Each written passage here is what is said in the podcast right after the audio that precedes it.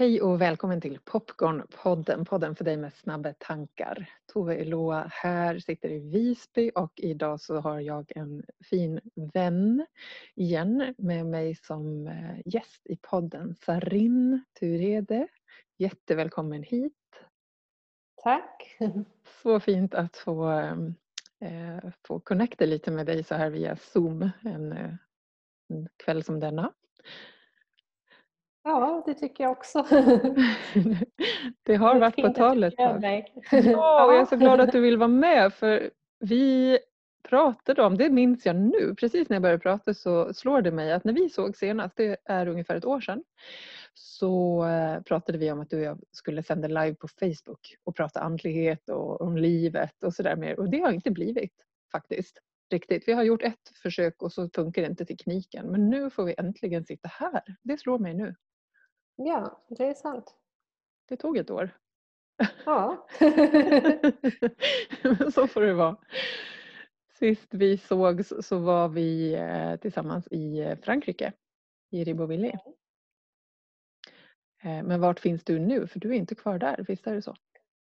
Nej, precis. Jag är i Frankfurt i Tyskland och det är faktiskt härifrån jag kommer från början, eller här i området. Mm -hmm. Mm -hmm. Hur kom det sig att du flyttade tillbaka, eller när flyttade du tillbaka? Ska vi börja där? Eh, I höstas, det var i september 2019. Mm. Mm.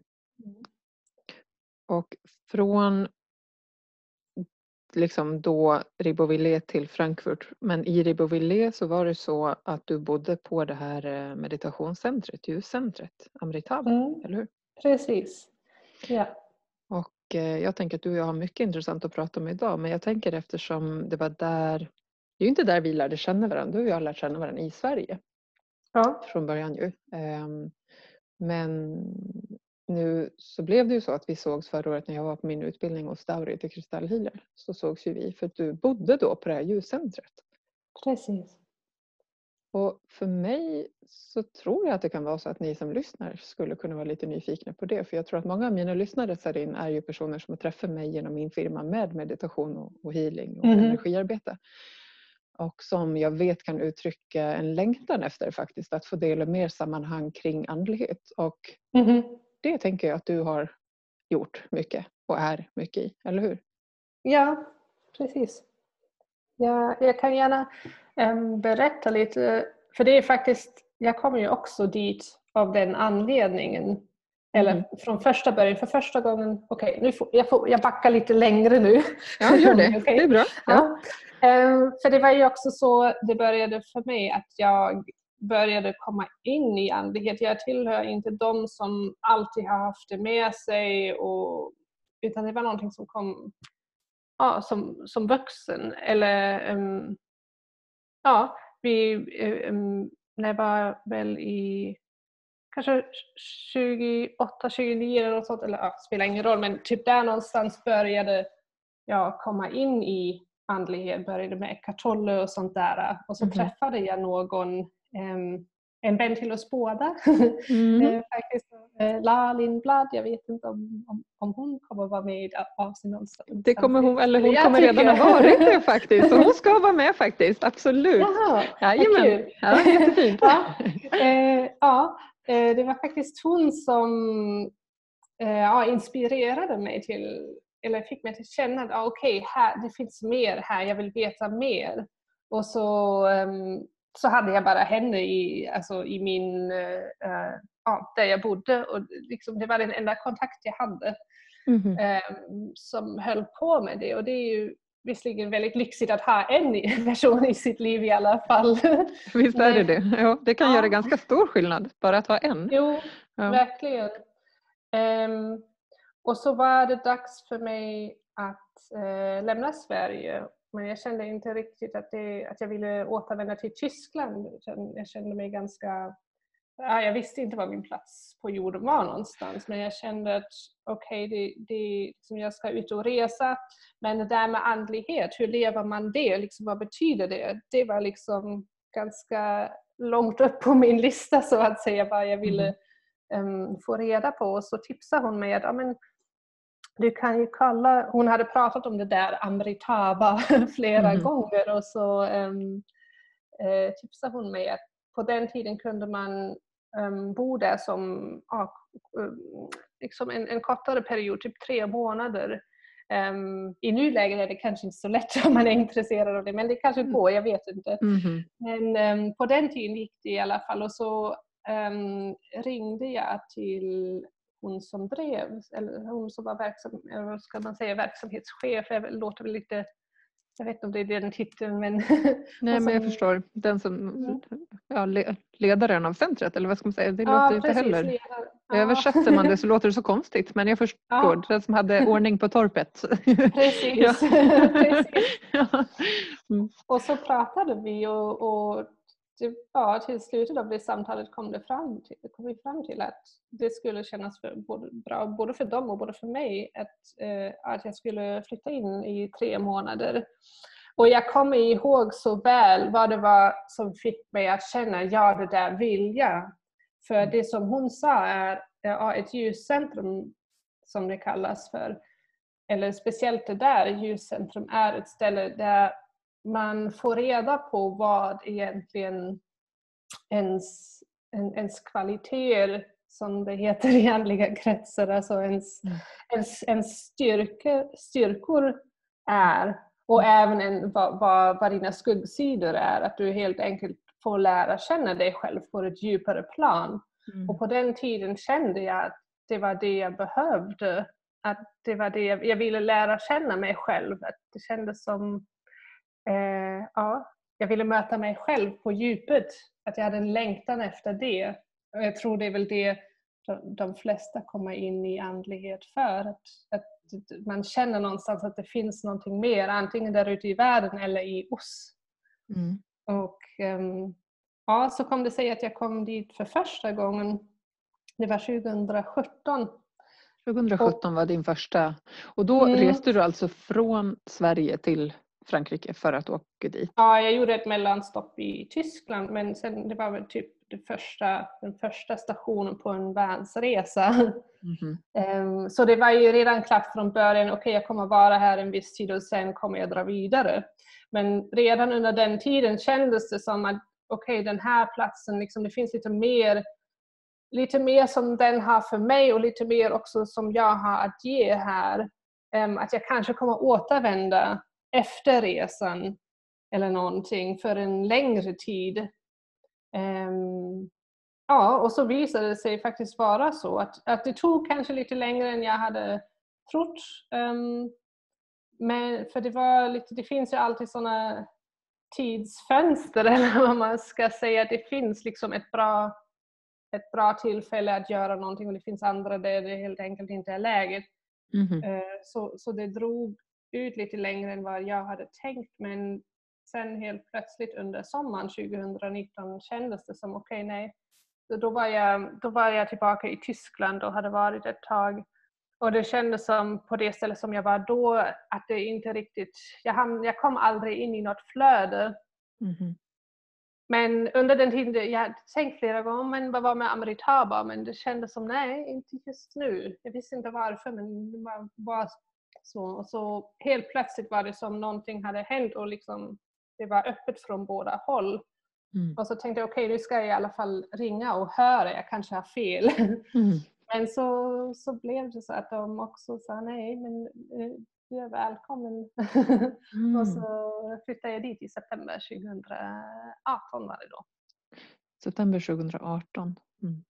Och sen precis. bodde du då där i ungefär ett år? Ja, precis.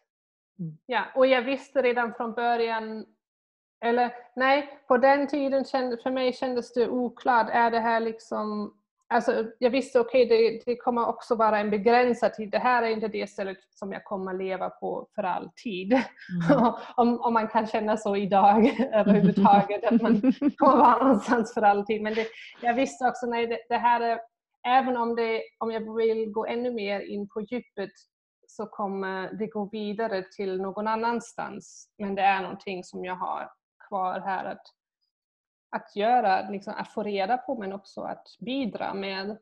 Mm. Um, och så visste jag helt enkelt, det kändes som att ah, det kan vara ett år, det kan vara två eller det kan vara tre.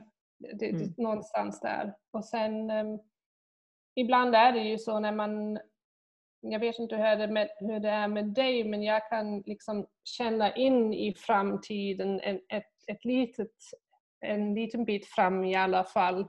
Men mm. ibland kan jag ha, känna, alltså, få en tydlig känsla av någonting men, jag, men liksom som tiden egentligen är så, mm. så stämmer det till slut inte riktigt överens. Jag vet inte mm. om, det, om det är klart vad jag menar.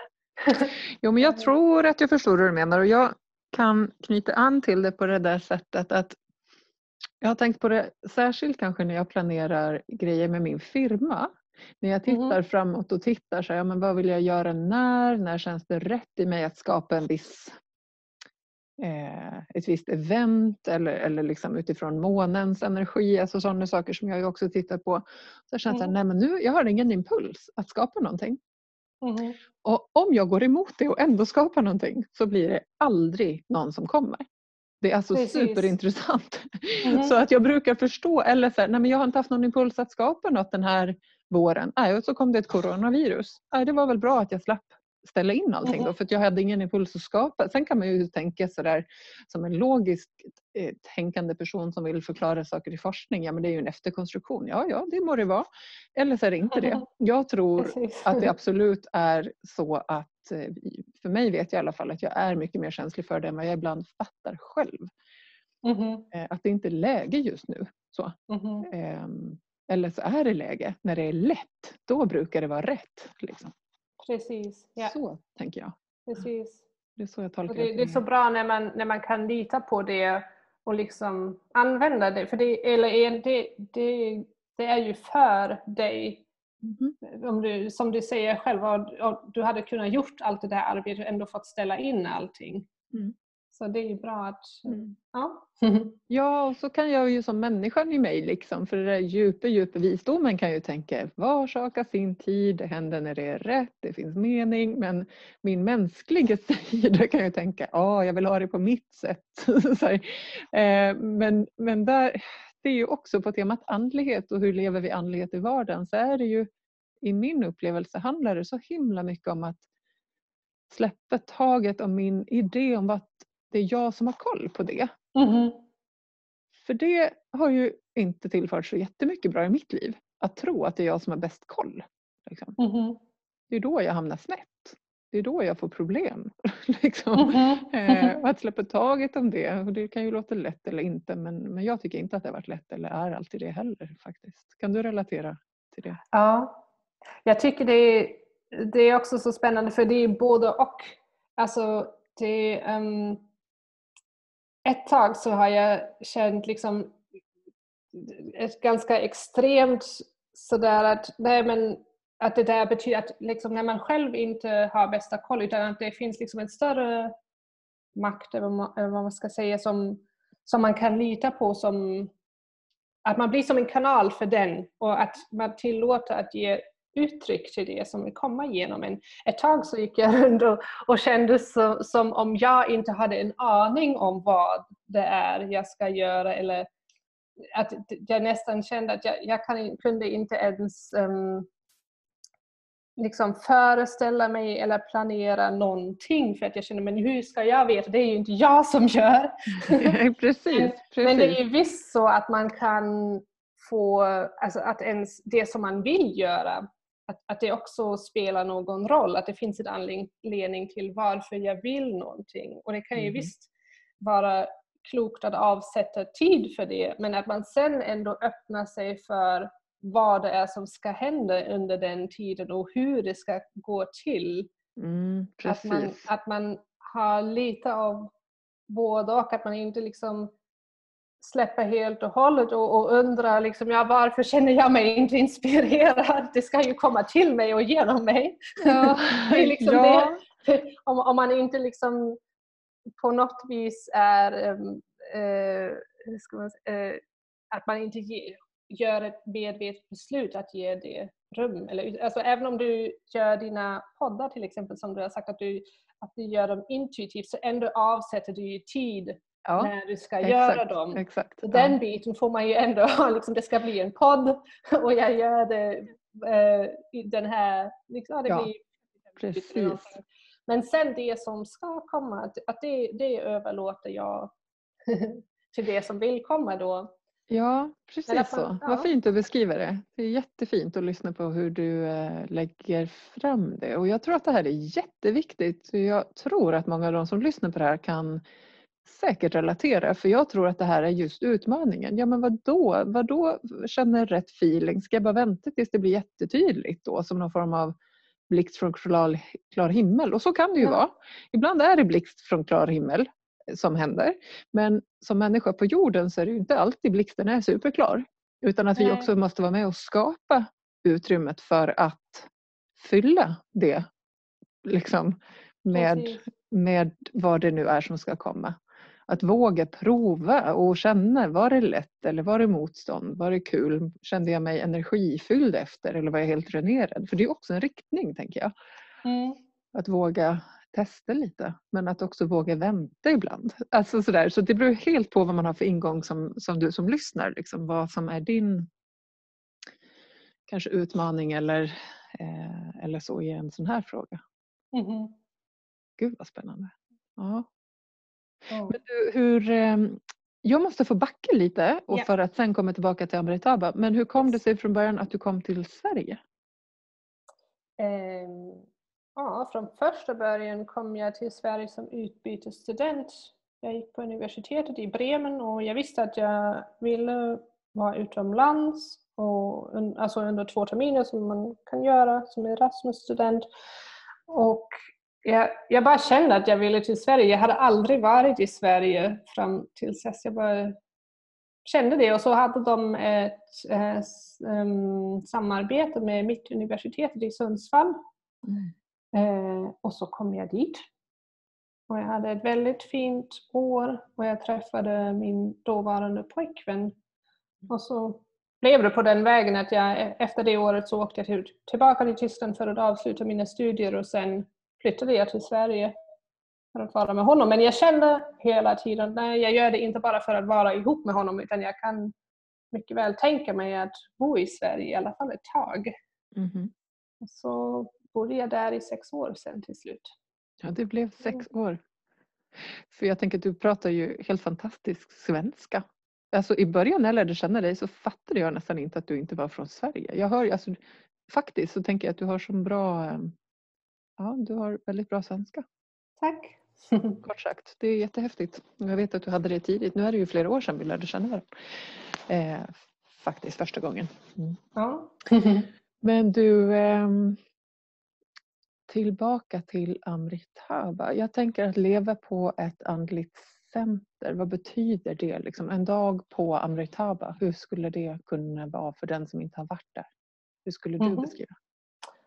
Um, ja, alltså det, um, det är meditationer, det är det första jag tänker på. Det är det, liksom det uppenbara, så mm. att säga. Det är flera gånger om dagen som man kan gå på. Det är en som är klockan fyra på morgonen. Det, det sägs att det är den tid där det är lättast att meditera och att det är liksom en meditation som sätter energin för hela dagen. Mm. Så det, det, är kanske inte någonting, det är inte någonting som jag har kvar med mig nu. Mm. Men jag vet att, uh, av flera som faktiskt vaknar av sig själv på den tiden. För att det är liksom en inre klocka som säger till att nu är det dags att meditera. Faktum är att jag i perioder har vaknat den tiden. Och jag vet mm. att La som du nämnde förut sagt, men Tove varför går du inte upp och mediterar då? Nej men det orkar jag inte. men det är jätteintressant att det har varit så himla tydligt och jag vet ju att eh, det finns flera personer i vårt gemensamma nätverk som eh, vaknar av sig själva och sitter mm. i meditation den stunden och sen går och lägger sig igen. Ja precis.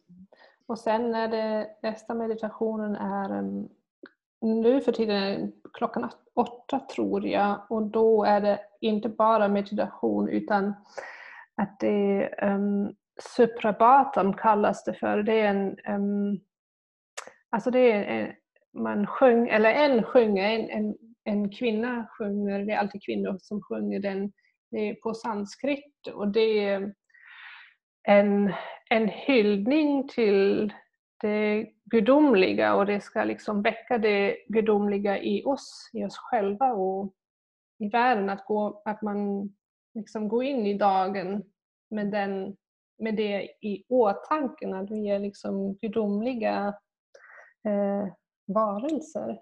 Mm. Och, så är det, och sen är det klockan 18 är det en till meditation. Och meditationen är alltid en hjärtats meditation. Alltså mm. antingen på mantrat Gud är kärlek eller um, hur säger jag det? Uh, jag, är, jag är lycklig, jag är kärlek, jag är ljus. Mm. Och de, de är öppna. Mm. Um, ja, vem som helst som vill kan få komma till dem.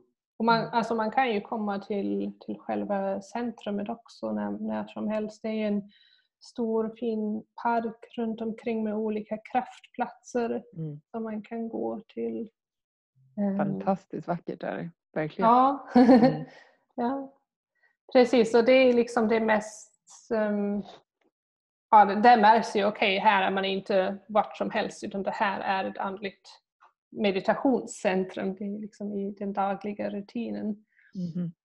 Mm. Och annars är det ju, ja det finns utbildningar som man kan gå där, till exempel en feng shui-utbildning som jag har. Mm. Och, um, det ska du gärna få berätta lite mer om ja. lite senare. Men jag tänker att i ditt uppdrag på Amritaga, eller uppdrag så kanske man inte kan säga, men jag tänker att du hade ju också, som när jag var där så kunde det ju vara så att du ibland eh, ledde morgonmeditationen eller såg till att det fanns bra med fika i pausen Precis. eller att eh, jag menar, ta hand om ja. eh, besökarna. Så skulle jag Precis. säga att jag upplevde det. Ja, man är ju inte där, alltså man är ju där för sig själv men också för att liksom hålla det hela um, till, till hands för andra som, som vill ta del av det. Det är meningen att, att vara öppet och tillgänglig. Mm. Mm. Och hur många var ni som bodde där eh, heltid? Eh, vi var en, två, tre, fyra, fem fem, sex stycken. Mm. Mm. Och det är också speciellt att eh, leva tillsammans med människor som man inte känner annars. Mm. och gå in och eh, eh, på något sätt ta hand om ett gemensamt center, ta emot andra och alla har sin process säkert också. Ja. Och att vara i en miljö, gissar jag, där man också ju ja men alla har ju någon form av ingång på det här med ljus och skuggor. Blir det mycket prat om sånt när man sitter och käkar middag och dricker lite vin på kvällen eller? Um, både och. Alltså på ett sätt, det finns ju alltid, alla som bor där har ju um, en anknytning till det eller är eh, andliga lärare eller rådgivare eller bästare. Eller, alltså det finns ju alltid någon som man kan gå till och få råd med det som man själv håller på med mm. och bearbeta. Um, men det finns ju det är också, alla är ju ändå också människor och man, man har väldigt, mm. Uh, uh, ska man säga, inte alla samtal kretsar kring andlighet. Så det, är, mm-hmm.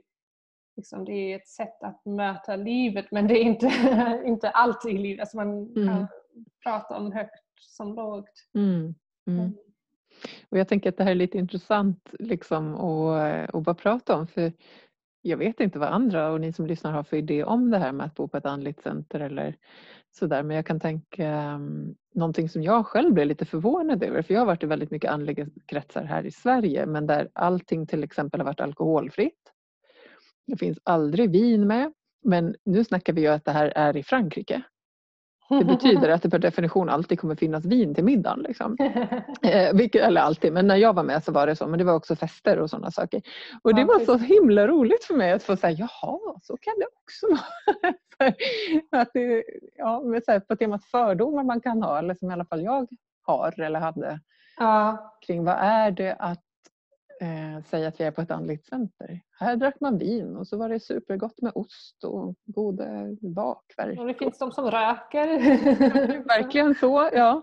Det, men det tycker jag är så spännande för det är det som jag kommer ihåg att det, det, är flera stycken som jag har hört säga något, att det var det som fick dem att välja en viss tradition eller en, att känna att ja, men här är någonting som, som känns sant för mig för den här människan som är en andlig mästare låtsas inte att vara bättre eller liksom utanför allt det här. Liksom, att det är människor som också har ett vanligt liv och inte liksom försöka vara utanför världen. Och det är det som jag alltid känt tilltalade mig så mycket med just den här traditionen att det handlar inte om antingen eller och om du vill vara andlig så måste du um, låta bli allt det här för då är du inte andlig. Och det, sånt känns inte mm. sant mm. för mig. För det känns som att ja, andlighet är ju till för att leva i den här världen och inte att liksom separera sig ifrån den.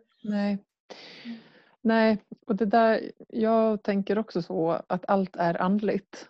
Jag tänker eh, att både gott och, och, utmanande är i grunden andligt, tänker jag. Och det är väl det som jag definierar som någon form av tantrisk ingång i andlighetstänket att allt är andligt, allt är heligt. liksom. Mm -hmm. eh, med det sagt så har jag ju liksom valt i, i det jag skapar. Men om jag bjuder in till något så är det alkoholfritt för att jag upplever i mig att det är viktigt. Det är min mm -hmm. Tradition att jag bjuder in till alkoholfri retreat för att jag önskar att människor får prova att vara i det och mm. möta sig själva. Så att det är Precis. jättespännande men jag dömer absolut inte om man vill. Eh, men, men just på den här retreat-helgen så kommer vi inte bjuda på mm. det. Mm-hmm. Liksom. Eh, men det är så intressant bara att få möta de här, eh, för jag tänker i meditation och yoga så finns det ofta många ja, men normer också faktiskt. Mm-hmm. Mm. Precis. Men du, jag tänkte på det här också med att, att liksom vara människa och leva här på jorden. Du sa det och, och jag tänker att vi pratade om det lite innan vi började spela in men så sa vi nu måste vi börja spela in. men det att, um, att du idag, uh, kan inte du berätta lite om vad du gör idag helt enkelt på temat att man kan hålla på med flera saker? Ja, ja, idag så jobbar jag som assistent på en advokatbyrå här i Frankfurt. Um, som faktiskt har en anknytning till Sverige. De har många mandanter där. så mm. det kändes, känns roligt. Mm, och så håller jag även på som feng shui-konsult. Det är jättefint. Ja, och jag sa det också när vi pratade innan att det var faktiskt du som inspirerade mig lite till att fundera över men varför känns det så viktigt för mig att alltid presentera mig som feng shui-konsult för att jag vill, liksom, det är dit jag vill men liksom, det andra finns ju också i mitt liv och det är också ett val jag har gjort och det är också någonting som jag tycker är kul. Och, mm. um, jag ifrågasätter ju mig själv ibland då och då och känner um, är det, fort, är det verkligen läge att, att vara här? Är det verkligen här jag ska vara? Jag är egentligen andlig eh, rådgivare, ska jag inte hålla på med det. Men det känns som, nej, det finns också en anledning till varför jag är här. Jag mm. har liksom i, liksom i gruppdynamiken så har jag en funktion och det känns mm. också kul att, att få göra båda och. Och mm. inte behöva välja bort det ena eller det andra. Mm. Jag tycker det är jättefint att höra och eh, jag tänker att vi liksom på något sätt kan inspirera varandra till det. För min upplevelse så i alla fall i Sverige, jag vet inte riktigt hur det är i Frankrike och Tyskland men i alla fall i, i Sverige så har vi också det här med liksom, eh, ganska tydlig skillnad mellan det akademiska och det alternativa. Mm. Eh, och där vi har en otroligt så sekulär ingång på att man inte får, får men alltså, det anses kanske inte så himla klokt att tro på en massa saker. Mm -hmm. Man liksom blir lite ifrågasatt som, ja men, ja, har du verkligen belägg för det där? Och där tänker jag någonstans att, att visa då att jo men du kan visst jobba på advokatbyrå och hålla på med feng shui. Jag kan mm -hmm. visst vara socionom och chef inom mm offentlig sektor och jobba med healing. Det går mm-hmm. tydligen alldeles utmärkt faktiskt. och att det ena utesluter inte det andra, att vi kan få integrera de här världarna. Jag tror att det är jätteviktigt. Ja, precis. Och det har ju också mycket att göra med um, hur man själv förhåller sig till det. Alltså det, det bestämmer ju ganska mycket hur de andra reagerar på en. Alltså det, om, om jag går in, alltså i Tyskland är det så att när jag ska syssla med någonting vid sidan om så måste jag ha tillstånd av min arbetsgivare. Mm, så då måste här. jag ju eh, gå fram och, och, förklara vad det är jag vill göra och, eh, ja, och prata om det. Och, och jag kände i förväg, en del av mig kände sig ju lite obekväm och lite sådär, ah, ska jag verkligen säga det här? Mm. Men jag visste att okej, okay, om du säger det i den energin att du själv är osäker då självklart kommer de känna att det här är trams eller någonting. Mm. Men om jag går in och säger det med liksom en självklarhet, då kommer det inte vara något problem. Mm. Um, och så var det så. Alltså det enda de, som de um, hade lite funderingar kring är att, hur är det liksom när man har profiler i sociala medier, för jag sköter ju deras uh, på LinkedIn till exempel då, att vi då kom överens om okay, att jag skapar olika profiler. Men det har ju inte att göra med att jag håller på med någonting andligt utan att man vill helt enkelt inte att olika verksamheter blandas och det är ju fullt förståeligt tycker jag. Mm. Mm, ja, men det är väl också klokt idag när vi har så mycket av vår eh, identitet eller varumärket som vi är eller den firma vi är del av syns ju på det där mm. sättet. Och det kan jag verkligen, det är intressant att du tar upp det för jag har ju liksom tre ben jag står på i att både vara chef i en verksamhet men jag har också Akka meditation och jag har Popcornpodden. Mm. För den mhm. som följer mig på LinkedIn så är det ju ganska spretigt alltså. Det ska mm man ju säga. Mm men jag tänker så här, ja ja, gemensam nämnare är jag. Gemensam nämnare Precis. är min energi. Så får jag ju tänka. Men, men utifrån varumärket firman som man jobbar för så kan man ju förstå att, att det kan behövas framförallt inom privat sektor kanske en eh, urskiljning. Mm. Precis, och då kan man ju, om man då, det är väl inte så ovanligt att man när man håller på med eh, andlighet eller liksom, ja, holistiska ja, healing eller vad som helst, att man kan känna sig lite eh, sådär, ah, nej men det är liksom de andra tycker det är konstigt, då kan man ju gå in i och, och liksom spinna en sån historia att liksom, ah, verksamheten har någonting emot det för det är andligt men så är det ju inte, alltså, i det här fallet till exempel. Då, då får man ju skilja vad ens egna mm. fördomar mot de andra också är. Ja, det är också och, intressant. Så, jag vet att jag, jag fick eh, lite feedback på det från, eh, jag minns inte vem det var, men Gud, vem var det? När jag skulle till Frankrike, när vi sågs förra året, när jag skulle mm. ner till Dauri och gå kristallhealer hos henne, så sa jag till min chef när jag bad om ledigt vad jag skulle göra. Att jag skulle till Frankrike för att gå en utbildning i kristallhealing. Och det där var flera som sa, sa du det till din chef? Jag bara, ja. Mm -hmm. Jaha, så där kan man det? så, och jag bara, ja, det, det gick bra. men, men det där idén om vad får vi säga och vad får vi inte säga och tar vi ansvar för andra och det hjälper ju inte andra mm -hmm. att vi döljer det vi brinner för heller. Nej, precis. Ja. Men du, berätta mer om feng shui. Ja. det vore jättespännande. Um, ja, jag ska kolla lite vad det ska... Alltså, okej. Okay. Um, Feng shui, för mig handlar det om att um, skapa harmoni och balans i, alltså man tänker väl kanske först ja, i dina rum i ditt hem. Men för mig är det väldigt tydligt att liksom det yttre rummet, det hänger ju ihop med ditt inre rum. Så det handlar väl framförallt uh, om att skapa harmoni och balans i sitt liv, i sig själv. Och sen kan det uttrycka sig i de yttre rum. Man kan ju välja båda ingång, att man väljer att okej, okay, jag är medveten om det här, så om jag ser någonting som är ja, att jag har mycket kaos runt omkring mig, att jag aldrig får ordning, att, att jag vet okej okay, då är det någonting i mig som inte är i ordning och jag kollar på det. Men man kan ju också välja den andra vägen, att liksom ta hand om det yttre och sen blir det som liksom en, en tråd som leder en fram till var, vart det egentligen sitter. Men det är det är väl det jag skulle säga feng shui handlar om, att skapa mm. harmoni och balans. Att man, mm. att man mår bra helt enkelt. Mm. Både ja, i, i grunden liksom i det inre, i själen men också hur det kan gestalta sig i det fysiska rummet man mm-hmm. lever i till exempel. Precis. Mm, mm. Och jag tänker att det, det är spännande att, att, prata med dig om det för om man eh, tror jag har kompisar som har köpt en feng shui-bok, jag har själv googlat det någon gång. Då tycker mm. jag att det som brukar stå är så här, ställ en skål med vatten i det hörnet, lägg ett mynt i det hörnet. Alltså att det blir väldigt så här, sakligt. Alltså, Ja. och vet, kan du relatera till den bilden? Alltså att, att man liksom gör det till... För mig så blir jag saknar energimomentet i det på något sätt.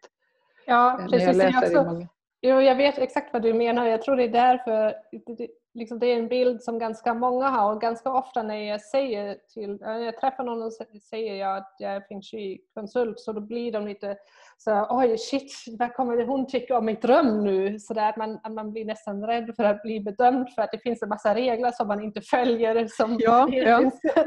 exakt. och jag kommer ihåg att um, innan jag gick utbildning, det var flera år, inte, på den tiden visste jag inte att jag, skulle, att jag ville bli feng shui-konsult men jag hade redan ett intresse för inredning och sånt och så fick jag en feng shui-bok.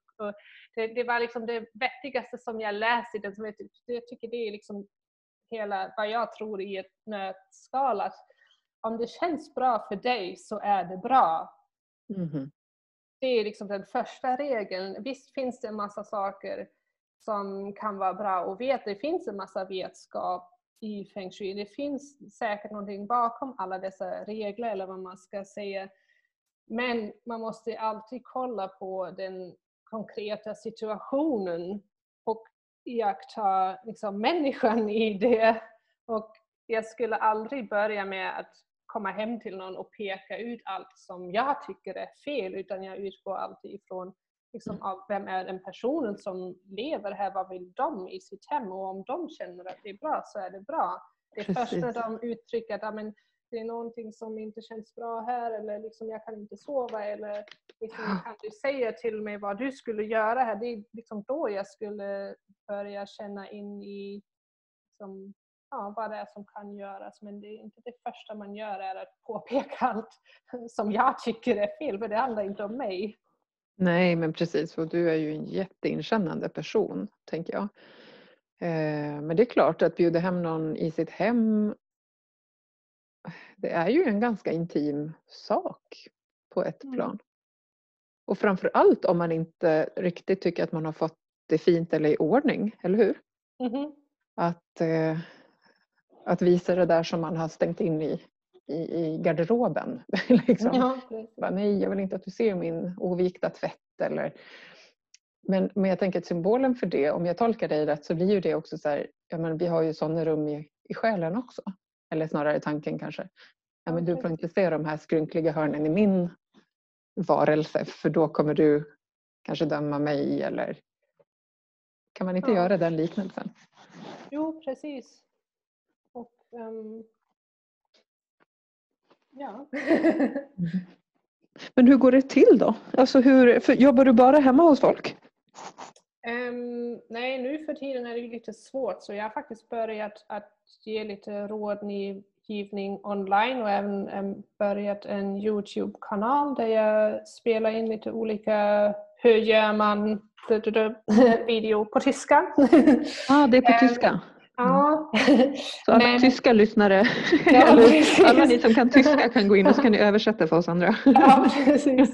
Nej, men tanken är ju egentligen att man, jag går hem till folk för att kunna um, uppleva stället och, och se eller förnimma vad det är ja, som händer. Det, ganska, det vanligaste är ju att det är gamla energier som sitter kvar i en byggnad. Det är ju helt logiskt. Man är ju inte den första personen på den platsen utan det har funnits människor med sina liv och sina historier där mm. före och dessa energier brukar ju sitta kvar, de försvinner ju inte. Mm.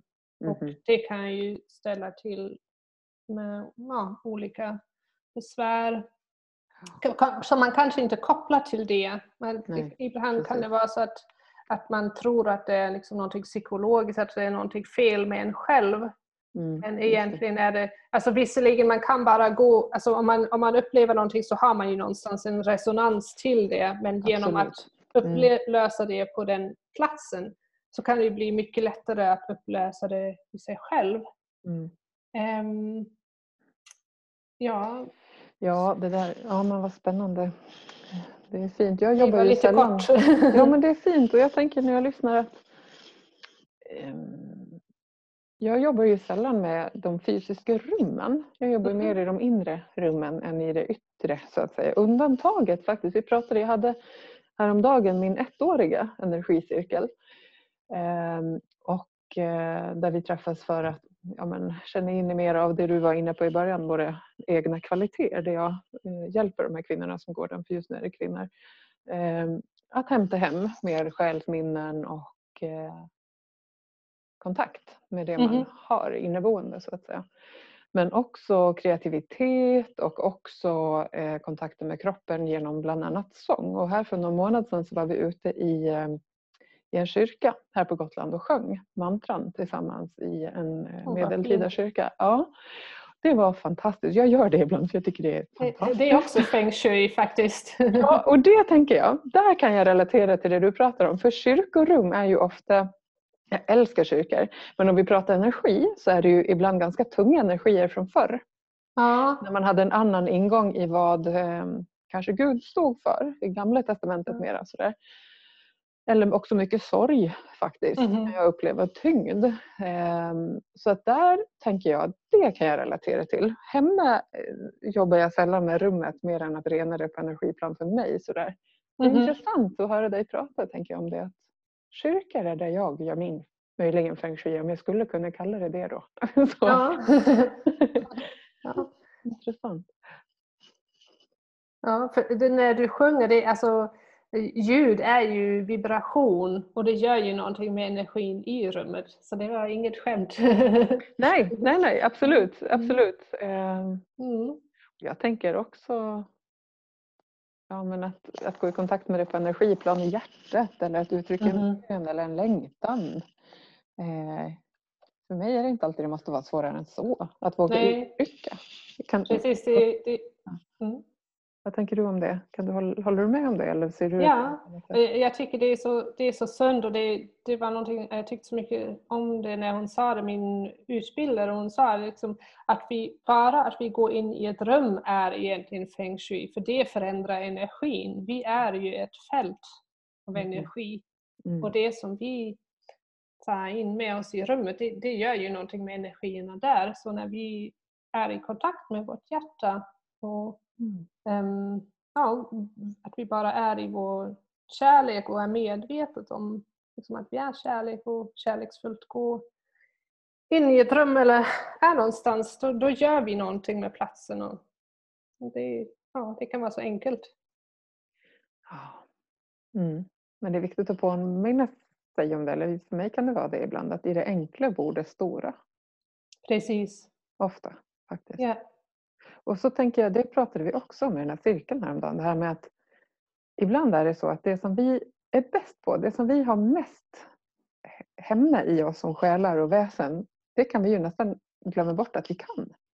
Ja. Alltså det där som är så himla naturligt för oss att känna oss trygga i, där det är lätt att leva, ja men det är väl inget konstigt, det kan väl alla?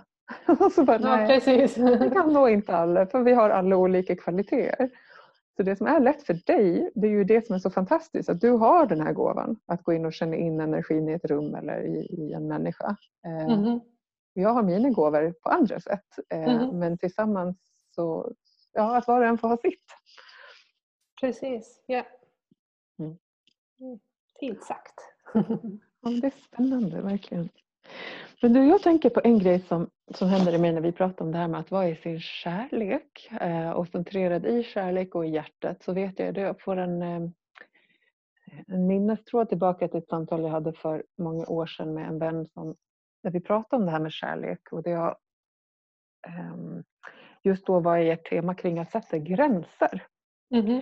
Och där jag tyckte att det var jätte jättesvårt att sätta gränser för jag kände det som att det inte var kärleksfullt. Att när jag satte gräns och kände mig hård eh, så var det i mitt system liksom någon idé om att det inte var kärleksfullt. Att kärlek på något sätt i min idé om vad kärlek var skulle bara vara att hålla med eller att gå med i flödet, mm -hmm. acceptera allt.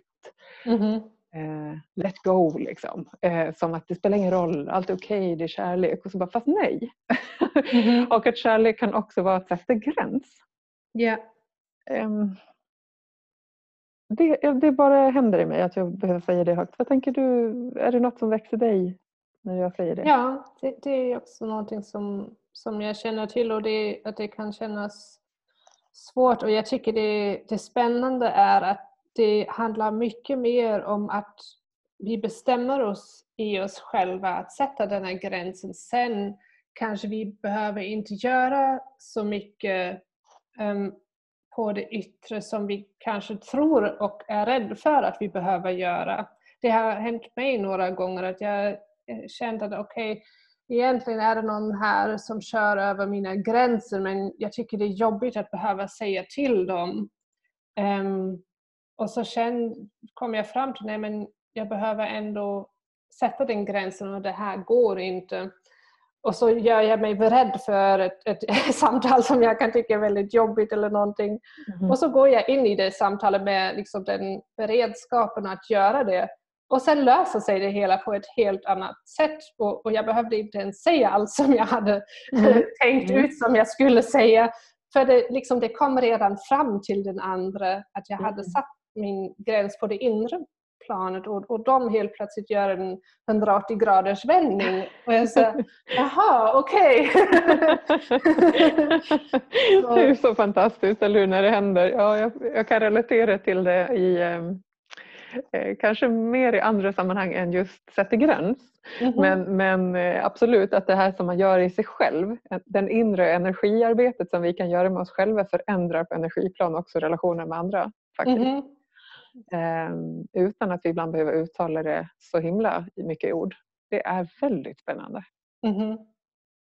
Och det, det, gör det ju lite lättare när man har gjort så några gånger och förstår att aha, det är så här det fungerar. Då blir det mm. lite lättare att förstå, okej okay, jag kanske inte kommer gör, behöva gör, säga eller göra massa, hem, massa hemska saker utan jag måste bara vara klar för mig själv. Mm. Vart jag står och, och sen vara beredd på att lösa det i den situationen på vilket sätt den nu kan utspela sig sen på riktigt. Mm. det egentligen handlar om att vara beredd på det. Mm. Ja, här, jag ler när jag, när jag lyssnar på dig och när vi är i det här samtalet för jag tänker att det här är en ganska häftig sak att vara med om. Jag vet inte, det kanske är givet för alla er som lyssnar eller så känns det väldigt nytt. Det hade varit jätteintressant om ni ville kommentera det när ni har lyssnat. Eh, men eh, för mig har det här absolut inte varit... Eh, det, det, här hade inte jag förstått vad vi pratade om för några år sedan. Ska jag säga. Mm. Men nu så absolut och jag tycker jag får det beviset för mig gång på gång på gång. Ibland kan jag nästan undra men hur funkar det här ens? Men mm. det mm-hmm. gör ju det. Ja. Jag hade någon som jag kände att jag verkligen, verkligen behövde be om ursäkt för någonting som jag eh, så där när jag tittade tillbaka på det kände att det där blev inte bra. Jag betedde mig inte så bra liksom, som jag egentligen skulle vilja ha gjort. Jag behöver nog be om ursäkt. Eh, men just då ville inte den personen faktiskt ha kontakt med mig. Mm. utifrån det som var. Och det fick jag ju respektera. Jag kunde inte ringa och säga förlåt för personen ville inte ha kontakt. Mm. Så jag fick göra det där i mig. Jag mm. fick ju liksom, ja, men liksom titta på vad är det jag vill be om ursäkt för? Vad är sant för mig? Vad var min del? Så och, och skrev ett brev. Eh, liksom pratade med en, en, nära person om det här brevet och delade om det också i ord. Eh, några veckor senare eller månader senare så ringer den här personen upp mig. Mm -hmm. kontakt. Eh, från att vi inte hade haft kontakt på ganska lång tid faktiskt. Eh, och det var en sån gåva faktiskt. Eh, I det så fick jag ju då fysiskt också i ord möjligheten att be om ursäkt för det jag hade gjort. Så det blev jätteviktigt för vår fortsatta kommunikation och relation som vi kunde mm. upp på ett rent sätt. Liksom. Men eh, för mig så, så, är jag helt övertygad om att det gick igenom på energiplan. Att den här personen nu kunde höra av sig till mig och att det ja. var en annan setting att mötas i. Jag tror verkligen det. Ja. Mm. Jätteintressant eh, hur det kan ge sig olika ut. Ja, verkligen. Mm. Ja. Mm. Det här är fint att prata om. Jag känner att det är eh, Det vore fint att ses igen live också. Ja, det, känner jag. det känner jag också. tids nog, tids nog. Mm. Du, eh, för de som nu har lyssnat på vårt samtal och som vill eh, kanske följa dig och det du gör innan vi avslutar. Skulle du vilja ge dem ett tips på vart de hittar dig? Ja, jag finns på Instagram och på Facebook och på Youtube. Om du knäpper in mitt namn, Sarin Turhede, så kommer du hitta mig på alla tre. Och sen um, är det även fengshuiflow.de på Instagram där jag delar mer om mina feng shui. Mm -hmm. Det mesta är nu för tiden på tyska men det finns ju den där uh, translate-funktionen mm. så det går ju. Och jag, alltså, om, om ni vill skriva till mig eller ha kontakt eller ha frågor, jag pratar ju svenska som ni hörde. eller kan, det går även att skriva på engelska. Mm. Jag funderar ibland på att jag kanske ska lägga ut mer på engelska men jag bestämt, nej men jag jobbar ju här i Tyskland nu så det är därför jag kör tyska. Jag förstår det. Jag ja. förstår det. Och jag upplever på temat energi att det inte alltid jag behöver trycka på translate. Nej. Därför att det går Just. igenom det som behöver gå igenom. Precis. Så jag tänker ni kanske kan använda det då som en intuitionsövning. Ja, att det var spännande. Ja men eller hur. Och så kan ni sen trycka translate och se om det... Ja. jag tänker att det, är en viktig övning för oss på jorden liksom, att, att känna in det som är vår första impuls. Att lita på den. Mm. Eh, faktiskt inte bara läsas till saker. Så jag, jag tänker att det finns en poäng kanske. Ja, absolut. Liksom, jag pratar jättegärna vidare med dig eh, längre fram. Eh, jag känner ja, nu när vi pratar att det hade varit jättespännande att prata om eh, faktiskt också lite grann om kristaller mera men vi ska inte gå in där idag för det är ett helt eget avsnitt känner jag. Ja. Men jag har också känt att det har varit i luften. Det, det dök upp vid flera tillfällen. Så ja, eller hur? Skallarna vill, vill ja. prata också. Och eh, det kan vi gärna plocka upp tycker jag ja. eh, snart. Och jag tänker att det eh, kan väl också vara så att du som lyssnar både kan skicka med frågor till Sarin kring feng shui eller energiarbete, livet att leva på ljuscenter eller kristaller till oss båda. Valfritt tema liksom. Eh, det kan man skriver till mig på popcornpodden gmail.com eller följer Popcornpodden på eh, Insta eller Facebook. Det vore jättefint att höra av sig. Jag läser allt, jag svarar alltid och det är eh, jätteroligt verkligen när ni hör av er och ni är många som har börjat göra det eh, i privata kanaler. Så tack för att ni gör det och tack för att ni lyssnar. Det är superkul, verkligen. Och Sarin, igen jättefint att du vara med och att vi har fått prata den här Ja, tack. Tack Emilia. Tack så mycket och ehm, ja, vi, eh, vi hörs snart igen. Det gör vi. Hej. Hej.